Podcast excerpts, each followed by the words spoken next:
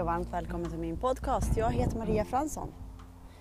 Idag ska jag dra ett till exempel för att, ja men, att, att jag kan sätta ord på det och göra det så tydligt som möjligt så att du förstår. Eh, både förstår och tar in energin av det. För varje gång du lyssnar på just den här eh, ja, kanalen tänkte jag säga, så, så sker det någonting med dig varje gång. Och för att ta in det jag säger i energinivå så är det bra att du är så närvarande som möjligt. Och du har ju berättat också att det är bra att eh, ja, men säg till sinnet här och nu, här och nu. Och så känner du fötterna, förankra dig, förankra mig, förankra oss. Vad är det för skillnad mellan dig, mig och en blomma? Vi säger vi, vi är på en åker. Nu, nu ska vi bara vara en blomma för en stund. eh, och så är vi de här blommorna på den här åkern.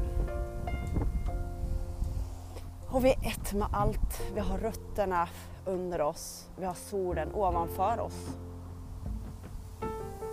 Och så är vi bara i det här.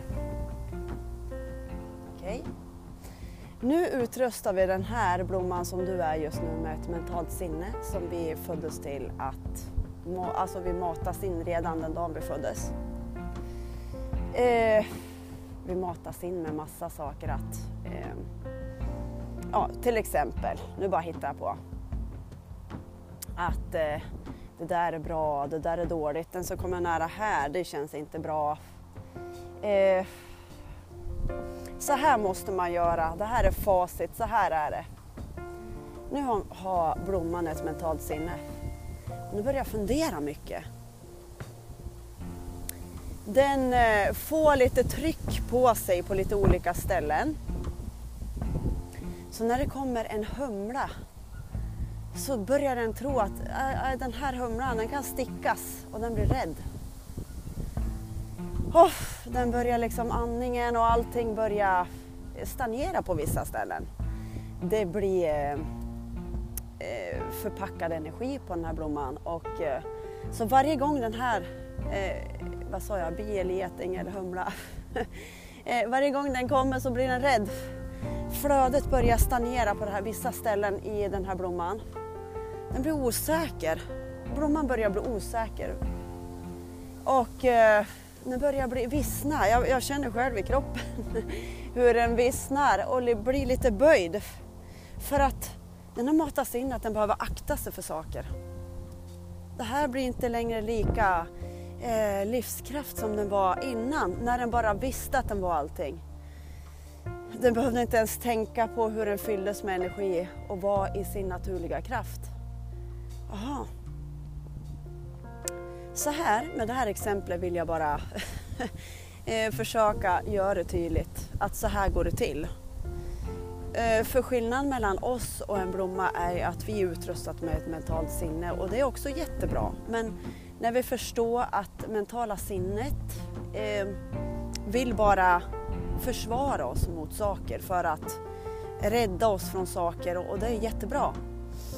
Men när vi tror att vi är det här mentala sinnet i massa stunder, att vi är så mycket i det mentala sinnet så blir det så jobbigt. Eh, vi tror att vi behöver ha kontroll. Eh, vi tror så mycket saker. Hur känns det i din kropp nu? Är du fortfarande förankrad med fötterna i marken?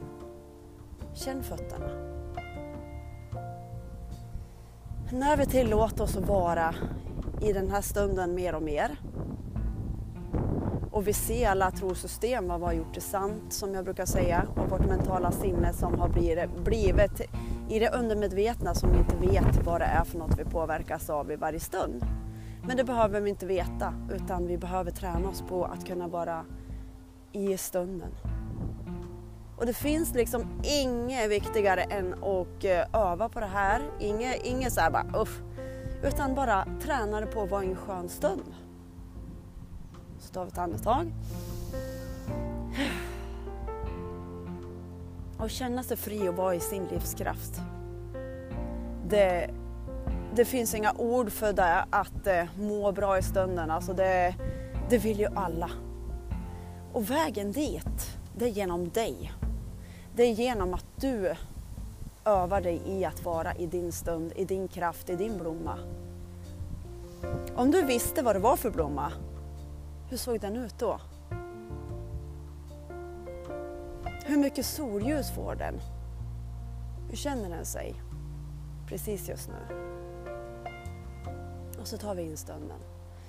Och när vi inte längre är rädd och vi öppnar upp oss totalt som den här blomman, oförstörda blomman och vi bara är i tillit att vi är omhändertagen av jordens varma näringskraft och solen som fyller oss och allt det här oändliga som vi inte kan, mentala sinnet kan inte förstå.